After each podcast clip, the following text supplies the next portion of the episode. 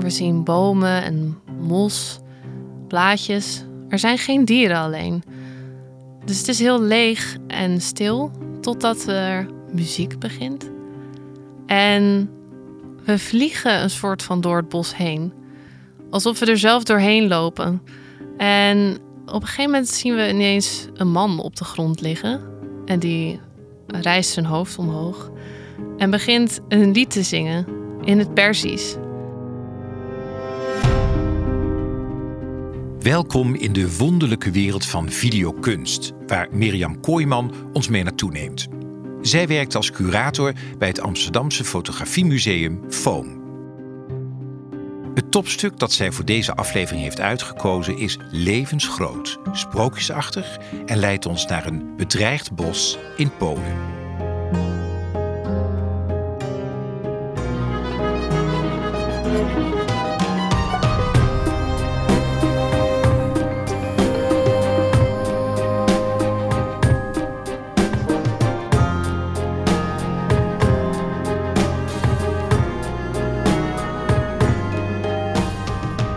Luistert naar Topstukken, de podcast over de mooiste kunst en cultuur van Nederland. Mijn naam is Albert Verlinde. In elke aflevering praat ik met een expert van een museum of een andere culturele instelling in Nederland en stel ik de vraag: wat is jouw persoonlijke topstuk? Mirjam wil ons graag laten kennismaken met een bijzonder videokunstwerk. Het heet Forest on Location en is gemaakt door een Amsterdams kunstenaarsduo. Persijn Broersen en Margit Lukesh. Het is een, een videowerk waarin we in een bos belanden. Een bos dat zich in een duisternis bevindt. Wat, wat is videokunst als je dat voor een leek uit zou moeten leggen?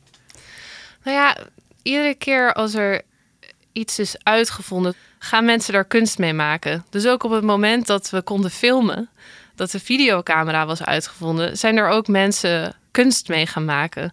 Zo simpel is het eigenlijk. Dus een videokunstwerk kan van alles zijn, maar het is gebaseerd op het medium film. Het is ook weer een andere manier van kunstenaars om, om een verhaal te vertellen. In die zin ligt het ook helemaal niet zo ver van de filmwereld vandaan. Alleen het is vaak veel conceptueler. En soms is er ook niet echt een verhaal. Is het meer een beleving eigenlijk waar je over praat? Ja, misschien wel. Het is een videowerk hoeft niet altijd een begin en een einde te hebben. Ook het werk eh, waar we nu over gaan praten, dat wordt afgespeeld op een scherm van vier meter breed. Dus het is echt toch een beetje een bioscoopervaring. Want je gaat ervoor staan eigenlijk. Ja. Ik sta ervoor en wat gebeurt er dan met me? Wat, wat zie ik? Je komt eigenlijk terecht in een, in een duisternis waar ineens een woud voor je ziet. Echt een oerbos. Maar we zien bomen en mos, blaadjes. Er zijn geen dieren alleen. Dus het is heel leeg en stil totdat er muziek begint. En we vliegen een soort van door het bos heen. Alsof we er zelf doorheen lopen. En op een gegeven moment zien we ineens een man op de grond liggen. En die rijst zijn hoofd omhoog. En begint een lied te zingen in het Persisch. En die man, dat is een avatar. Oftewel een computergegenereerd uh, beeld van een persoon. Maar wel gebaseerd op een echt persoon. Dat is Sharam Yazdani, een Iraanse operazanger. En hij zingt een lied over dat hij eigenlijk verdwaald is. En de vraag is een beetje, waar zoekt hij naar? Zoekt hij naar een weg eruit? Of zoekt hij misschien wel naar zichzelf? En de tekst die weten we uh, alleen door de ondertiteling, want hij zingt dat in het Persisch. Eigenlijk gaan we met hem dwalen door het bos.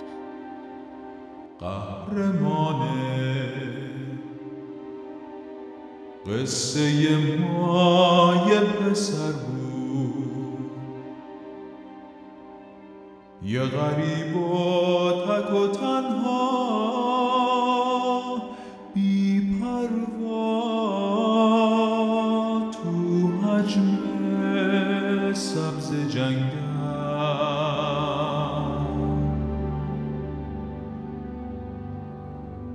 تا این که یک Maar het bos is niet het ziet er niet normaal uit. Uh, je kan zien dat het een constructie is. En dat komt eigenlijk omdat dat bos waar we doorheen lopen, het lijkt een soort van te zweven in een, in een donker heelal. En het is die dwaling tussen de fictie en de werkelijkheid van dat bos.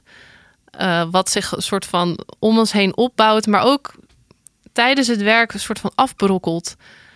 Het is een soort mirage die in één, moment grijpbaar is en het vervolgens ineens door je handen glipt. En dat is zo magisch aan dit werk. Ja, daar kun je uren naar blijven kijken. Maar, maar hoe zijn die beelden dan opgebouwd? Is het inderdaad gewoon een film van een bos? Punt. Ja, het is eigenlijk meer alsof we uh, mee worden genomen in een theaterstuk met coulissen.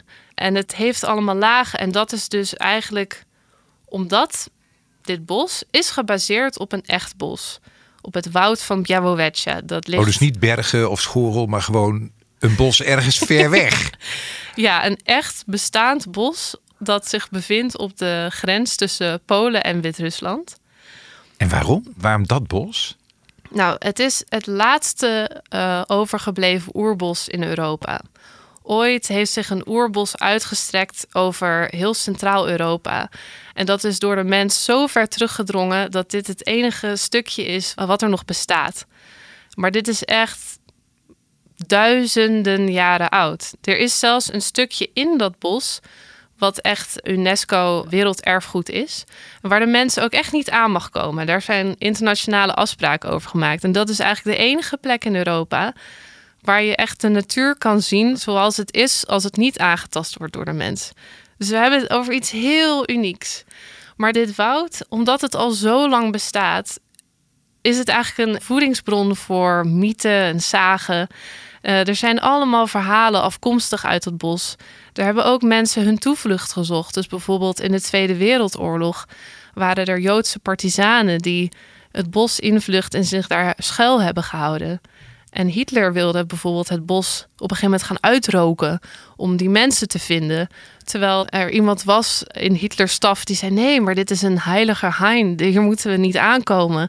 Zeg maar, het heeft een soort mythische status. En hoe wisten die kunstenaars dat? Hoe kwamen ze erop en denken: nou, dat, dat bos moeten we hebben. Dat is het bos.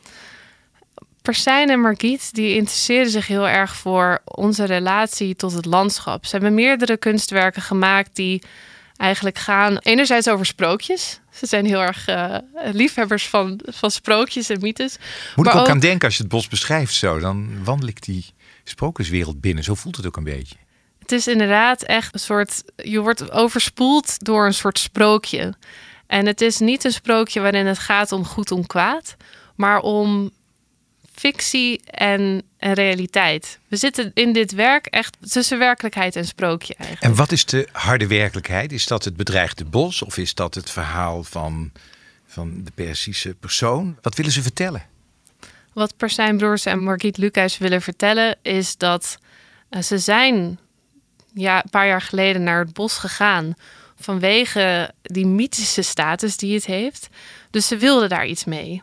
En ze zijn in dat bos uh, gaan fotograferen. Ze hebben uiteindelijk zijn thuisgekomen met honderden, misschien wel duizenden foto's die ze hebben gemaakt. Met het idee van we gaan dit hercreëren, in ieder geval een stukje van het bos. Maar toen ze daar naartoe gingen, toen bleek ineens dat het bos bedreigd werd in zijn bestaan. Want de Poolse overheid die wilde het kappen. Wat eigenlijk helemaal niet mag, want het staat op de UNESCO Werelderfgoedlijst. Maar de Poolse overheid zei ja, maar er is een keverplaag en heel veel bomen zijn ziek. Oh, dus gewoon een argument zoeken, een kul argument zoeken om het te doen. Nou, het was, er was inderdaad een keverplaag, maar moet je bedenken dat dit bos bestaat al tienduizenden jaren. Dus iedere keer als er iets van een plaag is, dan herstelt het bos zichzelf. Ja, ja. Als een boom uh, sterft en omvalt, dan groeien daar weer paddenstoelen en bossen op. En, en dat is weer de bron voor nieuw leven. Dus in plaats van dat de mens zegt: nee, dat moeten wij gaan opruimen. en dat ziet als een, als een kans voor economisch gewin. dan wordt zo'n argument eigenlijk dus heel erg misbruikt. Dus toen werd hun urgentie om dit kunstwerk te maken alleen maar groter. Ja, het was toeval. Maar het was inderdaad, uh, maakte het nog meer bijzonder om daar te fotograferen. Want ook als je uh, voor dat kunstwerk staat, dan zie je ook dat er bomen in zitten met een markering. Die markering was echt. Dat waren bomen die gemarkeerd waren voor de kap. En het ding is dus, zij zijn dus gaan fotograferen, maar ineens met het idee van hé, hey, misschien maken wij eigenlijk een digitale backup van iets wat er straks wellicht niet meer is. Maar het is er nog? Een deel van het bos is inderdaad gekapt, maar ze hebben het uh, een halt kunnen toeroepen. Dus inmiddels uh, is wat er over is veiliggesteld. Maar op het moment dat ze dit kunstwerk maakten, in aanloop naar de tentoonstelling die ze hadden in Foam in 2018, was dat nog echt volop hmm. aan de hand. Ook internationale rechtszaak eigenlijk rondom uh, wat de Poolse overheid zich toe-eigende en wat volgens UNESCO en de internationale gemeenschap eigenlijk mag gebeuren met dat bos. Heeft het geholpen dat zij dit project maakte in het feit dat er, dat bos uiteindelijk niet gekapt is? Nou, in dat opzicht is het. Ja, wel zeg dat nou, dat is natuurlijk veel. Dat maakt kunst echt urgent. Ik denk wat het, wat het helpt, is dat ze uh, aan de ene kant brengen zij een sprookje. Als je dit allemaal niet weet, kan je je helemaal laten meevoeren in dit kunstwerk. En dan hoef je niet deze urgentie of, of het concept erachter te kennen om je helemaal te laten betoveren door dit werk. Maar juist doordat ze het werk hebben gemaakt. En, en ze toch een boodschap meegeven, denk ik, denk dat A, heel veel mensen niet weten van het bestaan van dit oerbos. Maar omdat het dus zo uniek is, helpt zo'n kunstwerk wel om mensen het besef te brengen van hé, hey, dit is eigenlijk iets wat we moeten koesteren en waar we misschien vooral niet aan moeten zitten, maar juist met rust moeten laten. Weet je wat ik zo mooi vind? Normaal moet je naar het bos toe. Of hè, dat ligt ergens vast. En hier moet je gaan zoeken waar het bos is. Vind ik eigenlijk ook wel integrerend. Ja, dat is dus eigenlijk het grappige. Die titel, Forest on Location. Het is inderdaad een bestaand bos. Maar op deze manier, doordat er een digitale versie van is gemaakt, kan dat bos de hele wereld over. Ja.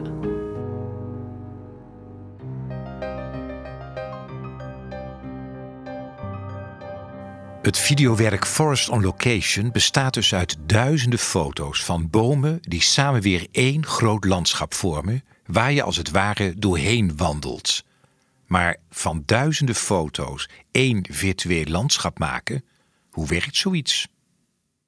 Eigenlijk zijn ze in het kunstwerk allemaal aan elkaar geplakt. En dat is iets wat tegenwoordig met de computer kan. Laten we het even houden bij de persoon. Sharam Yazdani. Die hebben ze 360 graden gefotografeerd. Dus van alle mogelijke kanten hebben ze hem gefotografeerd. En dat hebben ze geüpload in de computer. En die computer die kan op basis van allerlei informatie die in de foto's zit. Dus bijvoorbeeld ze kunnen kleuren en schaduwen uh, kan de computer lezen als dieptes. Ah. En daardoor is het in staat om een 3D-model te maken op basis van foto's. Wat echt heel gek is, want foto's zijn natuurlijk platte vlakken. Maar via foto's kan het weer volume terugbrengen. Dus als je zo'n persoon zoals Sharam Yazdani van alle kanten fotografeert, dan kan hij dus weer als mens in de computer ontstaan. En zo'n mens kun je laten lopen, je kan hem laten zingen. En dat is dan wel zijn eigen ingesproken stem beetje zoals in tekenfilms of. Ja, animatiefilms. Maar, ja, Hij, hij heeft eigenlijk ehm, ehm, een digitale kopie van zichzelf. Dus dat hebben ze met hem gedaan, maar ook met het bos. De kunstenaars hebben een stuk bos helemaal gefotografeerd.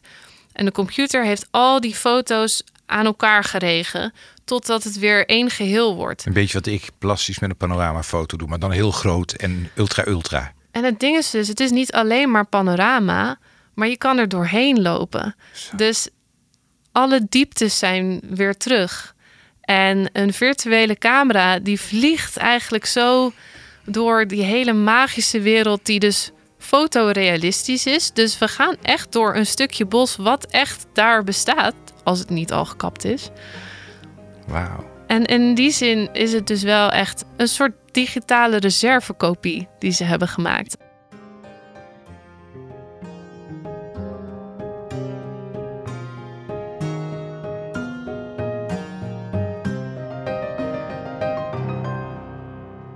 Die Sharam Yazdani, wie, wie is dat en waar is het voor hem gekozen?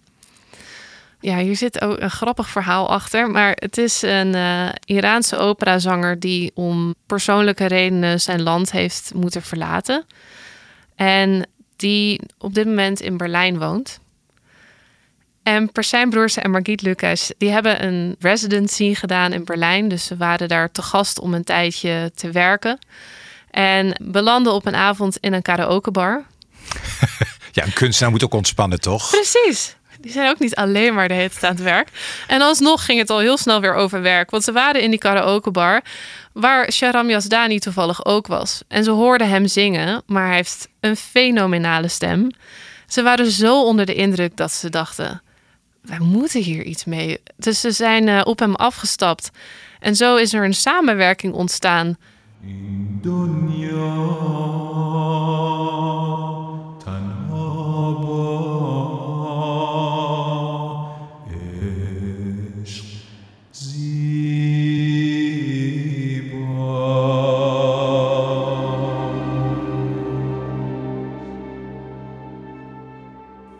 Kunstenaars hebben nagedacht over ieder detail van hun videokunstwerk. De zanger zingt niet zomaar een lied. Nee, de melodie van dit nummer is namelijk op een verrassende manier verbonden met de locatie van het bos. Het is gecomponeerd door een componist die vlak bij het bos woonde. Zoveel details, zoveel verhalen, zoveel puzzelstukjes die precies in elkaar passen. Hoe lang duurt het om zo'n kunstwerk tot stand te brengen? in de praktische uitvoering een jaar of anderhalf jaar. Maar ik denk dat als je de tijd neemt waarin ze überhaupt op het idee kwamen om naar dat bos te gaan. En vervolgens al die verschillende lagen die het werk heeft, van alles wat ze hebben uitgezocht of onderweg tegenkwamen. Wat allemaal een betekenis krijgt in het werk, dat daar misschien wel veel meer jaren overheen zijn gegaan. Wat ik me ook afvraag, in deze serie hebben we vaak topstukken die in hun tijd, hun tijd vooruit zijn, dat impressionisten of een dergelijke. En pas later gaan mensen zien en waarderen. Zie je videokunst ook zo dat dat tijd nodig heeft dat we over 50, 60 jaar zeggen: ja, dat zag toen niet iedereen, maar uh, dat, is, dat is kunst. Kijk, het lastige bij videokunst is je moet naar het museum om het te zien. Um, dat zou je kunnen denken over allerlei soorten kunst. Maar in een tijd van Google, je hoeft niet meer naar het Louvre om de Mona Lisa te zien. Je kan het ook googlen. Ik zeg niet dat het dezelfde ervaring is, maar je kunt dichterbij komen dan ooit. Schilderijen en foto's die kunnen we allemaal opzoeken en zien. Maar een videowerk, de meeste videokunstenaars die willen eigenlijk niet dat dat zomaar online staat. Het is niet zo dat heel veel videokunst zomaar op YouTube te vinden is, bijvoorbeeld.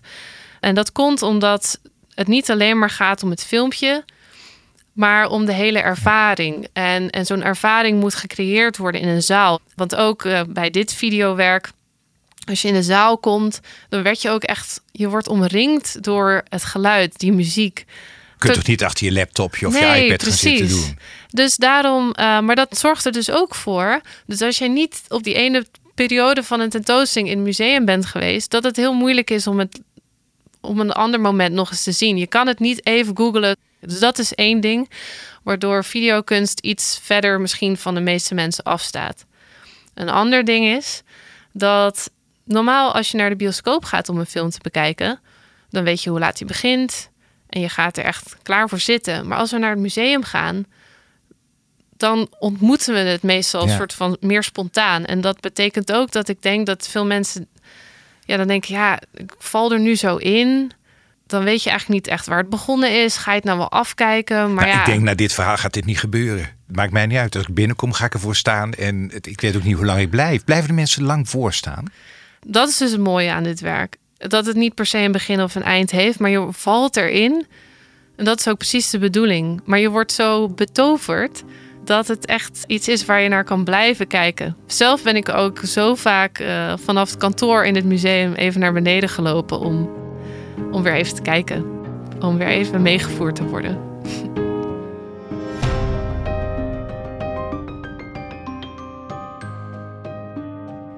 Je luisterde naar topstukken Aangeboden door de Vriendenloterij, de cultuurloterij van Nederland. Mijn naam is Albert Verlinde. ambassadeur van de Vriendenloterij. Ik ben er trots op dat wij cultuur steunen in heel Nederland, dankzij onze deelnemers. En als je meespeelt in de Vriendenloterij, ontvang je een VIP-kaart waarmee je korting krijgt op de leukste uitjes en gratis ruim 125 musea kunt bezoeken. Dus ook Foam in Amsterdam.